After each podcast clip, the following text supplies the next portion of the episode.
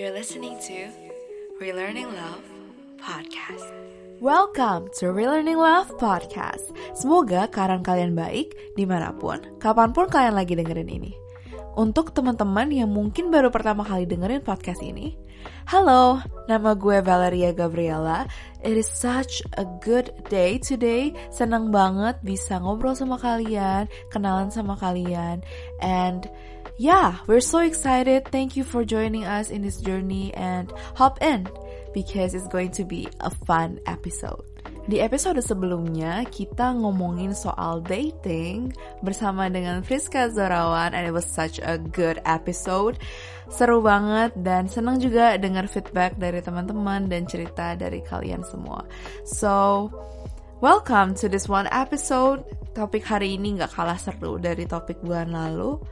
Bulan ini kita akan ngomongin tentang love for money atau dalam bahasa Indonesia, cinta akan uang. Wow, that is quite a topic. But don't worry, stick with us. Kita bakal ngobrol bareng-bareng. And you are welcome to join wherever you are, di mana pun kamu berada di dalam perjalanan kamu bersama Tuhan.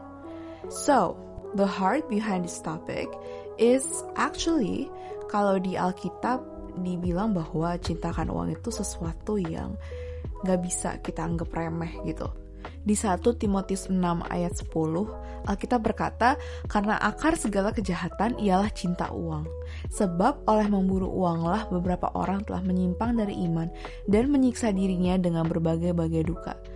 Jadi dari ayat ini kita bisa lihat bahwa bukan hanya cinta uang itu adalah sebuah kejahatan, tetapi akar dari segala kejahatan ialah cinta uang ketika seseorang memburu uang sehingga menyimpang dari iman, akibatnya ia menyiksa dirinya dengan berbagai-bagai duka, karena bukan Tuhan lagi yang ada di posisi utama dalam hidupnya, bukan Tuhan lagi yang satu-satunya diingini oleh orang itu.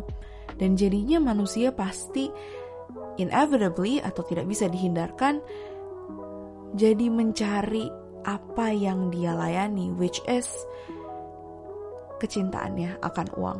Jadi, this is a big topic, but it's going to be an exciting one. Let's be excited. Mari kita bersuka cita karena gue percaya bahwa hari ini adalah hari di mana kita akan belajar langsung dari Tuhan tentang cinta akan uang. Oke, okay, to start this off, gue mau cerita bahwa baru-baru ini gue baru aja baca kitab pengkhotbah. Dan kitab pengkhotbah ini seru banget.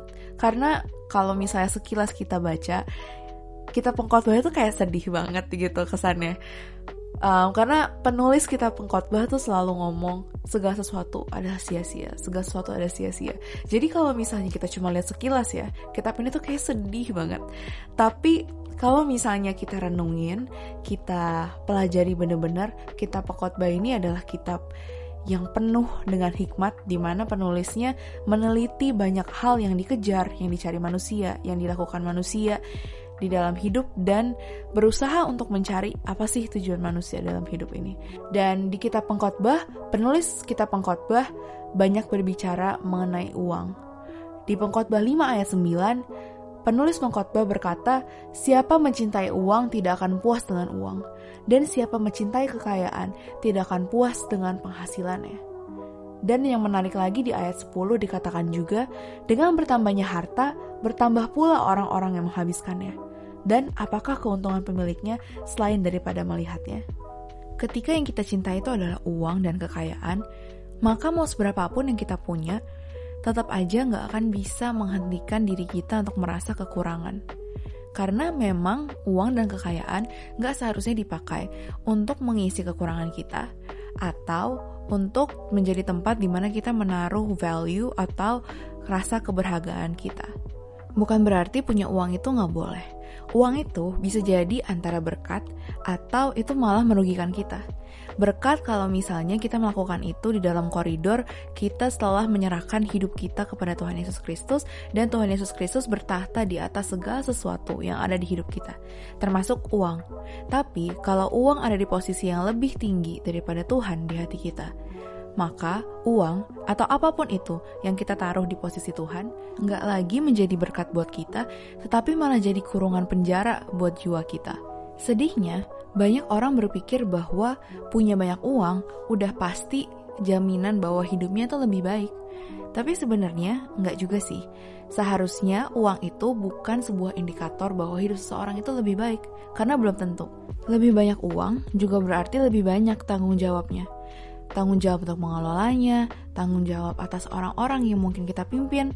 Belum lagi kadang kalau misalnya sudah punya banyak uang dan mulai ketemu banyak orang, mulai punya responsibility tertentu, itu costnya tuh lebih tinggi loh. Jadi kadang jangan berpikir bahwa punya uang banyak itu udah pasti costnya kayak stay the same gitu. Bisa banget di um, gak berarti kalau punya banyak uang kan harus spend banyak juga, nggak gitu kan. Tapi kadang ada juga the more we grow in life itu ada pengeluaran-pengeluaran tertentu yang harus kita keluarin.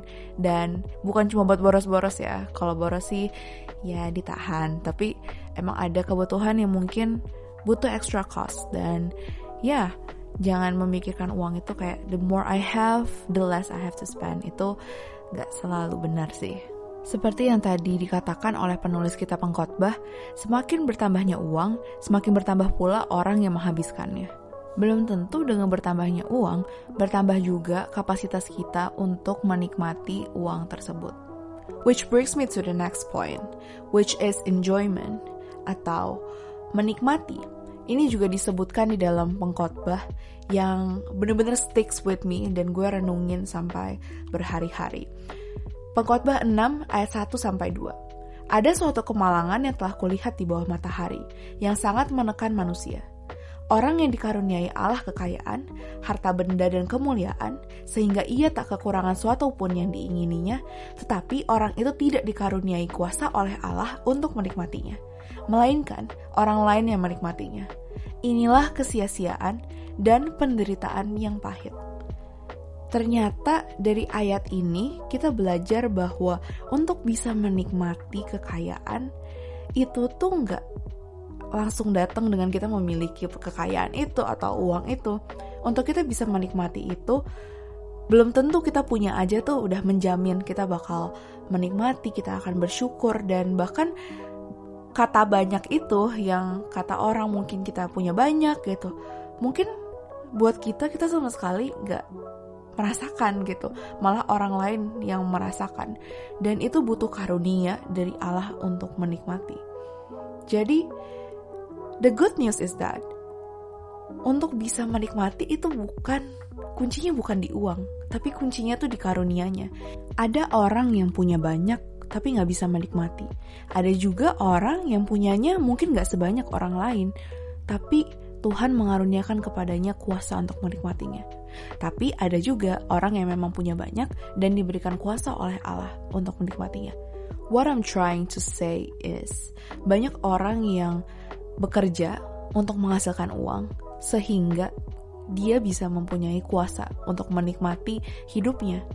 Tapi dari ayat ini kita belajar bahwa kuasa untuk menikmati hidup, kuasa untuk menikmati berkat Tuhan itu bukan berada di seberapa banyak sih harta dan berkat yang kita punya, tapi butuh karunia sendiri untuk dapat menikmati berkat-berkat tersebut, dan karunia itu hanya bisa diberikan oleh Tuhan saja.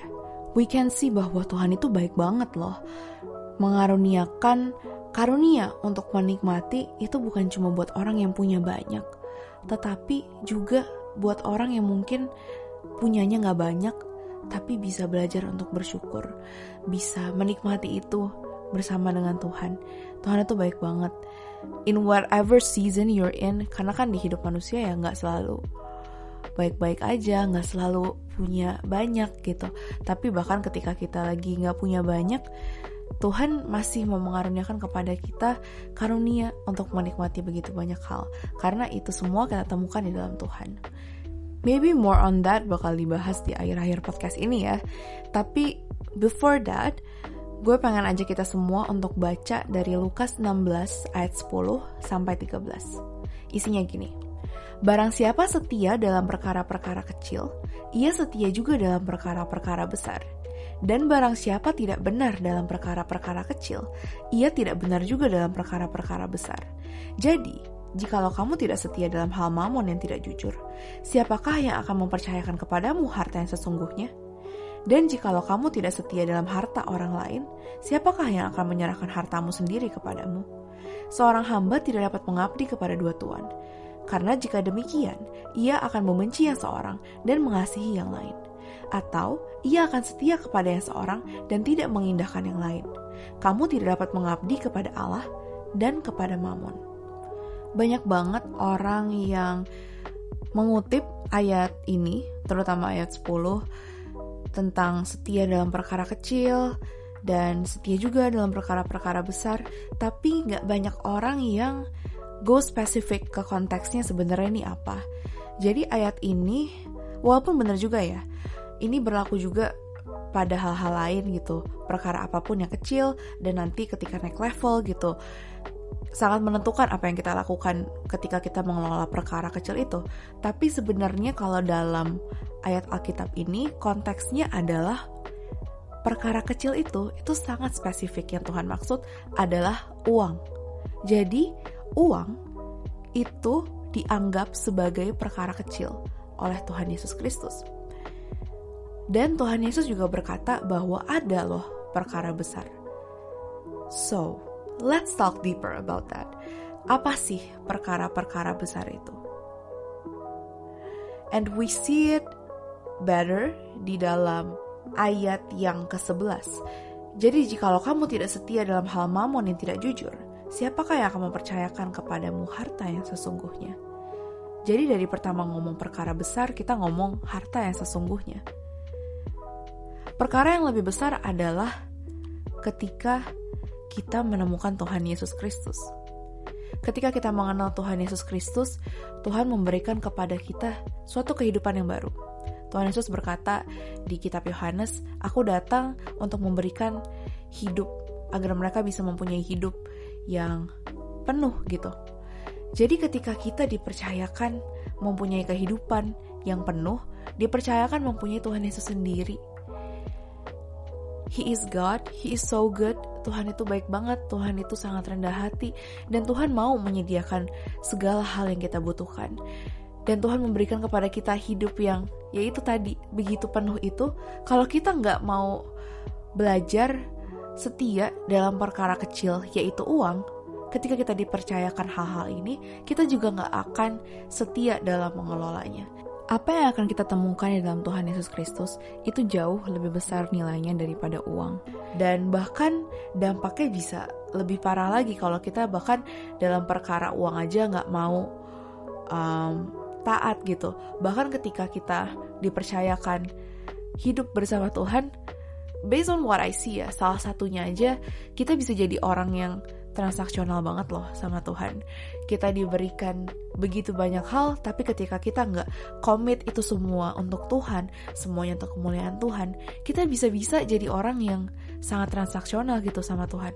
Dan kadang, the scary thing is that kita nggak selalu tahu apa yang ada di hati kita. Dan kalau misalnya seseorang sudah punya hati yang condong mencintai uang, ia akan menjadi sangat transaksional gitu. Seolah-olah datang ke Tuhan itu hanya supaya dia diberkati secara finansial, diberkati secara materi gitu. Dan ini bukan hanya sebuah kemungkinan, it is a definite thing.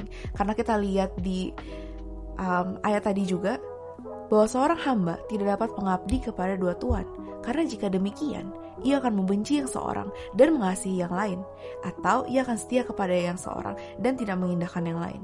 Kamu tidak dapat mengabdi kepada Allah dan kepada Mammon. When we really go deep into this verse ya, God is actually saying to us bahwa kalau misalnya seseorang punya hati yang condong mencintai uang, itu pasti dia punya hati yang membenci Tuhan when you go deeper in that, it means that extreme. Artinya kayak gitu. Kita nggak bisa mengasihi uang, mencintai uang, dan kita bilang dengan tulus bahwa God, I love you. Itu nggak bisa. Itu pasti nggak bisa. Karena bukan hanya kita nggak mengasihi Tuhan, tapi kita berkata bahwa kita bahkan akan membenci Tuhan karena kita mengasihi uang. That is really scary. Di Yohanes 2 ayat 24 dikatakan begini. Tetapi Yesus sendiri tidak mempercayakan dirinya kepada mereka karena ia mengenal mereka semua. Wow, back up, wait up. Ini kalau misalnya kita lihat di ayat sebelumnya ya. Isinya gini, sementara ia di Yerusalem selama hari raya Paskah, banyak orang percaya dalam namanya karena mereka telah melihat tanda-tanda yang diadakannya. Tetapi Yesus sendiri tidak mempercayakan dirinya kepada mereka karena ia mengenal mereka semua. Siapa sih yang lagi Tuhan omongin? Ini bukan orang yang belum percaya loh. Ini udah dibilang di ayat 23 bahwa orang-orang yang dimaksud adalah orang percaya dalam namanya, orang yang sudah percaya dalam namanya. Tapi ternyata orang yang percaya dalam nama Tuhan Yesus Kristus belum tentu ya Tuhan Yesus langsung mempercayakan dirinya sendiri kepada mereka. Ini bukan berarti Tuhan gak mengasihi kita loh ya. Tuhan mengasihi kita bahkan dari kita masih berdosa. Bukan masalah mengasihi, tapi ini masalah dipercayakan oleh Tuhan. Tuhan mempercayakan dirinya kepada kita. Itu gak ke semua orang. Dan kita belajar gimana sih untuk kita dipercaya oleh Tuhan Yesus Kristus. Tuhan berkata, bahwa pertama-tama belajar dulu setia. Setia untuk jujur, setia dalam mengelola uang, tapi tidak mencintai uang. Personally, gue belajar bahwa keputusan untuk mencintai Tuhan lebih dari uang adalah keputusan yang harus dibuat oleh kita setiap hari. Kalau misalnya gue lagi mulai khawatir tentang hidup gue, gue mulai terlalu memikirkan uang, di situ gue mulai nggak bisa melakukan exactly apa yang Tuhan mau gue untuk lakuin kalau Tuhan suruh gue untuk membantu orang lain, dan itu mempengaruhi cara gue menggunakan waktu gue juga. Kalau misalnya gue lagi khawatir banget, gue lebih banyak akan memfokuskan waktu gue untuk membangun karir, untuk melakukan sesuatu yang menghasilkan uang gitu. Dan while doing that, gue neglect apa yang Tuhan mau lakuin dengan waktu gue gitu. Dan sering kali gue menemukan diri gue juga menjadi orang yang sangat transaksional. We don't realize bahwa sebenarnya semakin kita menginginkan uang, kita semakin gak menginginkan pribadi Tuhan. Orang yang mencintai duit itu fokusnya akan menerima, menerima terus. Sedangkan kalau mau ikut Tuhan, kita harus punya hati yang sadar bahwa kita tuh berjalan dalam abundance dari posisi yang berkelimpahan. Dan kalau misalnya kita cinta uang, kita nggak punya mindset itu. Dan dalam ikut Tuhan, Tuhan memanggil kita untuk mengasihi orang lain. Loving is really about giving gitu. Jadi ketika kita punya hati yang cintakan uang, kita akan fokusnya menerima aja, nggak mau memberikan. And therefore, kita jadi nggak bisa mengasihi Tuhan yang hatinya itu pengennya mengasihi terus, pengennya mengasihi kepada kita, memberikan kepada kita, memberikan kepada orang-orang yang ia sayang. Kalau misalnya kita mencintai uang, kita nggak bisa satu visi sama Tuhan. Yuk kita lanjut baca di ayat 19 sampai 24. Janganlah kamu mengumpulkan harta di bumi. Di bumi ngengat dan karat merusakkannya, dan pencuri membongkar serta mencurinya. Tetapi kumpulkanlah bagimu harta di sorga. Di sorga ngengat dan karat tidak merusakkannya, dan pencuri tidak membongkar serta mencurinya. Karena di mana hartamu berada, di situ juga hatimu berada. Mata adalah pelita tubuh. Jika matamu baik, teranglah seluruh tubuhmu jika matamu jahat, gelaplah seluruh tubuhmu. Jadi jika terang yang ada padamu gelap, betapa gelapnya kegelapan itu. Tak seorang pun dapat mengabdi kepada dua Tuhan. Karena jika demikian, ia akan membenci yang seorang dan mengasihi yang lain. Atau ia akan setia kepada yang seorang dan tidak mengindahkan yang lain. Kamu tidak dapat mengabdi kepada Allah dan kepada Mammon. Yang pertama Tuhan berkata bahwa janganlah kamu mengumpulkan harta di bumi. Di bumi ngengat dan karat merusakkannya dan pencuri membongkar serta mencurinya. Tuhan mengatakan bukan berarti kita nggak boleh bekerja, bukan berarti kita nggak boleh memenuhi um, responsibility kita atau tanggung jawab kita, tapi it's about priority. Jangan sampai yang jadi prioritas kita ketika kita hidup di dunia itu apa yang bisa kita lihat aja. Jangan sampai apa yang kita peduliin itu cuma sebatas akhir hidup kita nanti sampai selama kita hidup ini di dunia kita mau makan apa, kita mau pakai baju apa. Jangan sampai cuma itu yang jadi pemikiran kita. Tapi kumpulkanlah bagimu harta di sorga. Artinya, carilah Tuhan Yesus Kristus, kasihilah Tuhan Yesus Kristus di atas segala sesuatu. Inginilah Tuhan Yesus dan anggaplah Tuhan Yesus itu sebagai hartamu. Karena di mana hartamu berada, di situ juga hatimu berada. Decide first apa yang akan menjadi hartamu. Apa yang menjadi harta kita itu adalah pilihan lo. Gini, kita bisa memiliki sesuatu tapi nggak menganggap itu sebagai harta kita. And that is the case we should do with money. Kita bisa memiliki uang, tapi nggak menganggap uang itu sebagai harta. Karena kalau misalnya uang sudah menjadi lebih dari materi, udah jadi harta, dalam artian dia mempunyai posisi dalam hatimu sebagai sesuatu yang berharga, kita akan berjuang untuk melindungi apa yang menjadi milik kita, apa yang menjadi harta kita. Dan di situ juga hati kita berada. That's what it means. Dan mata adalah pelita tubuh. Jika matamu baik, teranglah seluruh tubuhmu. What are you seeing? Apakah kita punya mata yang dibukakan untuk bisa melihat bahwa Tuhanlah harta kita sesungguhnya? Karena kalau misalnya kayak tadi ya, di ayat sebelumnya sempat dibilang bahwa kalau misalnya kita mencintai satu, kita akan membenci yang lain. Kalau kita mengasihi uang, kita akan membenci Tuhan. Dan ketika kita membenci Tuhan, kita nggak akan bisa lihat bahwa harta sesungguhnya itu adalah Tuhan. Dan mata kita menjadi gelap. That's what it means untuk mata kita jahat, gelaplah seluruh tubuh kita. Dan jika terang yang ada pada kita itu gelap, betapa gelapnya kegelapan itu kalau kita nggak bisa lihat bahwa Tuhan adalah harta kita yang sesungguhnya dan kita menganggap bahwa harta kita sesungguhnya itu uang, then it is a problem. Karena setiap segala sesuatu yang akan kita lakukan akan berasal dari hati kita, yaitu hati yang mencintai akan uang itu. Dan dari situ, kayak tadi ayat pertama yang kita baca, cinta akan uang itu akan menjadi akar dari segala kejahatan. It drives us untuk melakukan banyak hal yang jahat it motivates us, itu menjadi bahan pertimbangan kita. Apa yang penting buat kita akan selalu menjadi bahan pertimbangan kita dalam hal memutuskan apa pun juga dalam hidup kita. You cannot love God and love money. Kita berkata nggak mungkin bisa untuk mengasihi Tuhan dan juga mengasihi uang. You gotta pick which side are you on. Right after ayat terakhir yang tadi kita baca, Tuhan berbicara mengenai kekhawatiran. Karena itu aku berkata kepadamu, janganlah khawatir akan hidupmu, akan apa yang hendak kamu makan atau minum, dan janganlah khawatir pula akan tubuhmu, akan apa yang hendak kamu pakai.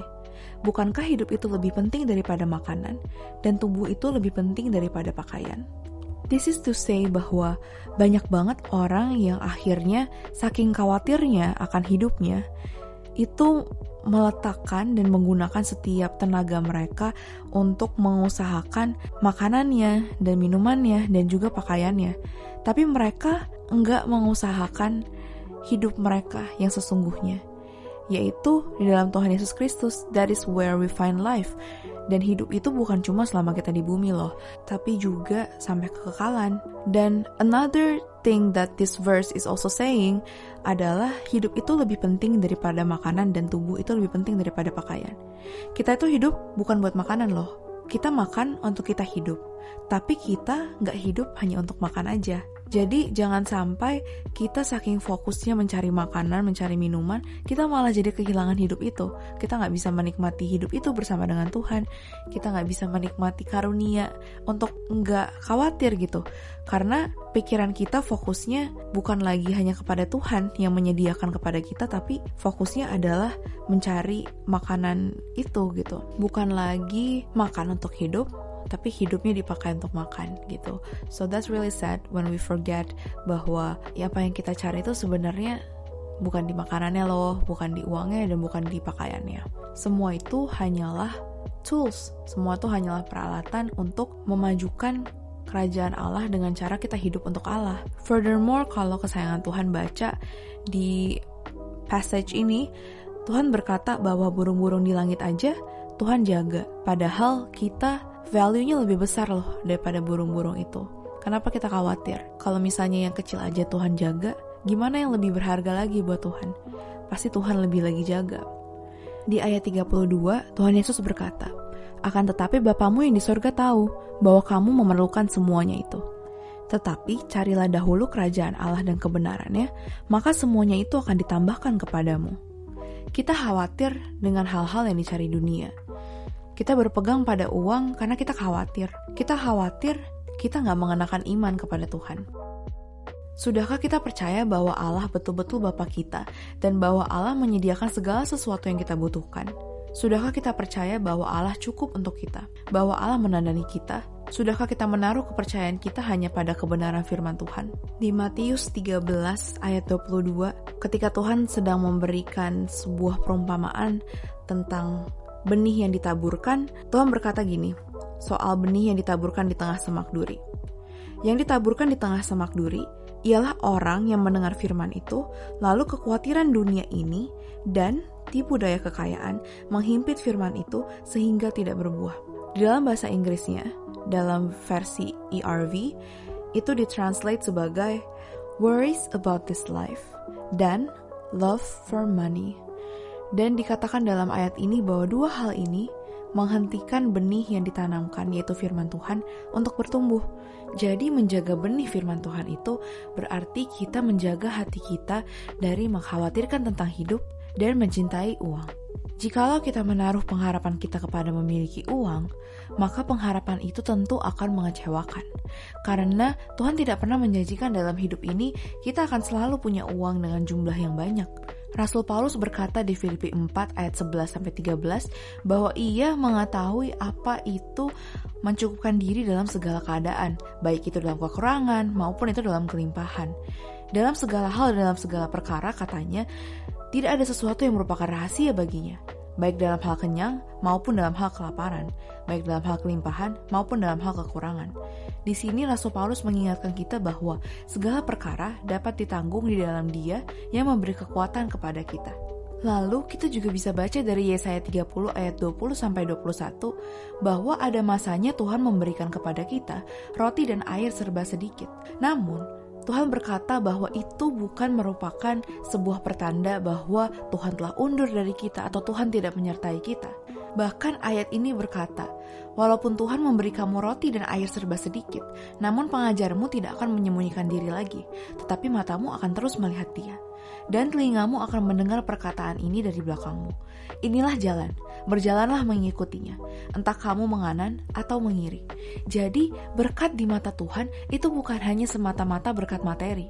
Bisa aja ada waktunya dalam hidup kita di mana Tuhan memberi roti dan air serba sedikit.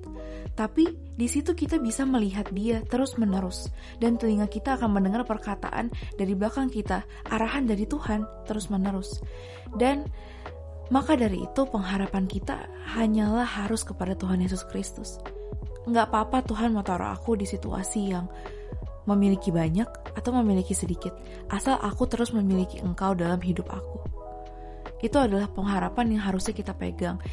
Kita harus constantly belajar untuk berdoa, meminta kekuatan kepada Tuhan untuk bisa menghidupi firman ini. Kita nggak bisa mencintai Tuhan dan juga mencintai uang. We gotta choose what side we are on. Gue berdoa hari ini kita diberikan kekuatan untuk memilih Tuhan, untuk mengasihi Tuhan lebih dari apa pun. Mengasihi Tuhan lebih daripada uang berarti kita berkomitmen untuk ikut Tuhan, untuk taat, untuk melayani Tuhan dan menjalani kehendaknya dalam hidup kita, bukan karena kita mengharapkan Tuhan memberikan harta dalam berkelimpahan, Mengasihi Tuhan berarti bahkan ketika masa itu adalah masa Tuhan memberi kita roti dan air serba sedikit, kita dapat berkata dan gue yakin kita bahkan pasti akan mengalami firman bahwa manusia hidup bukan hanya dari roti saja, tapi dari firman Tuhan. Dan kita bisa berkata seperti Paulus bahwa kita dapat melakukan segala sesuatu melalui Tuhan yang memberi kekuatan kepada kita. Yuk teman-teman, kita belajar untuk mengingini Tuhan lebih dari segala sesuatu ikut Tuhan baik dalam masa kelimpahan maupun kekurangan. Kita percaya bahwa Tuhan memberikan kepada kita rasa cukup, Tuhan memberikan kepada kita apa yang kita butuhkan, Dia selalu memperhatikan kita. Rasul Paulus berkata bahwa kita dapat melakukan segala sesuatu dalam Dia yang memberikan kekuatan kepada kita. Ini bukan hanya berbicara mengenai kita bisa memilih apa aja yang mau kita lakuin, lalu nanti Tuhan memberkati kita. Enggak, ayat ini nggak berbicara tentang itu. Tapi ayat ini sebenarnya berbicara bahwa Tuhan menyertai kita dalam melakukan apa yang menjadi kehendaknya baik itu di masa sulit ataupun di masa di mana kita memiliki begitu banyak resources secara berkelimpahan. Ayub berkata di Ayub 2 ayat 10, Apakah kita mau menerima yang baik dari Allah, tetapi tidak mau menerima yang buruk? For quite some time, gue bingung waktu baca ayat ini. Kenapa Ayub bisa ngomong gitu? Tapi ketika gue merenungkannya dan berdoa, Tuhan mengajarkan gue bahwa Ayub bisa berkata begitu, ia mau menerima apa yang buruk, apa yang mungkin kelihatannya sebagai kekurangan hanya untuk mengenal Tuhan Yesus Kristus lebih dalam. Jadi buat Ayub yang terpenting adalah yang penting mengenal Kristus karena ia percaya bahwa baik itu di situasi kelimpahan maupun kekurangan, semua itu akan membawanya untuk mengenal Tuhan Yesus Kristus lebih dalam. Dan itulah harta yang paling berharga buat Ayub. And remember, mau itu di masa apa pun juga, kita bisa melakukan segala sesuatu melalui Tuhan Yesus Kristus yang memberikan kekuatan kepada kita. Tuhan adalah gembalaku, takkan kekurangan aku. Keuntungan ikut Tuhan itu jangan diukur dari kekayaan dunia. Itu salah. Ikut Tuhan itu belajar untuk melihat apa yang Tuhan lihat, menghargai apa yang Tuhan hargai. Keuntungan ikut Tuhan itu bukan di mendapatkan kekayaan materi. Ingat, Tuhan bilang itu perkara kecil doang loh. Uang itu perkara terkecil. Kekayaan sebenarnya adalah Tuhan Yesus sendiri, mendapatkan Tuhan Yesus, mendapatkan hidup bersamanya. Bukan harta dunia yang bisa ia berikan loh ya, tapi Tuhan Yesus sendiri. Menikmati keindahan Tuhan Yesus. Berbahagialah kita semua yang diberikan karunia oleh Tuhan untuk dapat memiliki Yesus Kristus dan sadar bahwa Tuhan Yesus adalah harta paling berharga dalam hidup kita. Yuk kita berdoa bersama-sama. Bapa, terima kasih Engkau begitu baik, Engkau begitu mengasihi kami. Bapa, kami mau berdoa hari ini Engkau memberikan kepada kami hati yang dapat melihat apa yang Bapa lihat dan menganggap penting hanya apa yang Bapa anggap penting. Bapa, aku minta agar Engkau mengajarkan kami dan membukakan mata kami bahwa Tuhan Yesus adalah harta terindah dalam hidup ini. Terima kasih ya Tuhan bahwa Engkau selalu menyediakan apa yang kami perlu dan kami tidak pernah kekurangan suatu apa pun. Di mana pun kami saat ini ya Bapa, di dalam situasi apa pun, kami percaya bahwa Engkau memampukan kami untuk melakukan apa yang menjadi kehendak-Mu. Terima kasih ya Bapa, kami tidak mau khawatir akan hidup kami. Kami mau percaya kepada Bapa yang menyediakan segala sesuatu bagi kami. Terima kasih Tuhan Yesus, kami mengasihimu lebih dari apa pun juga. Dan kami minta kekuatan daripada Engkau untuk dapat hidup di dalam jalan-jalanmu dan mengasihi Tuhan dengan sepenuh hati kami. Terima kasih Tuhan atas kasih yang Kau berikan dalam hati kami. Dalam nama Tuhan Yesus Kristus, kami berdoa dan mengucap syukur. Amin. Alright, that's the end of our podcast episode today. Thank you so much for joining us today. Makasih buat teman-teman yang udah luangin waktu buat dengerin podcast ini. Head over to our Instagram di at relearninglove.id DM us atau bisa juga komen di postingan kita dan share apa sih yang jadi take away favorite kalian dari episode hari ini.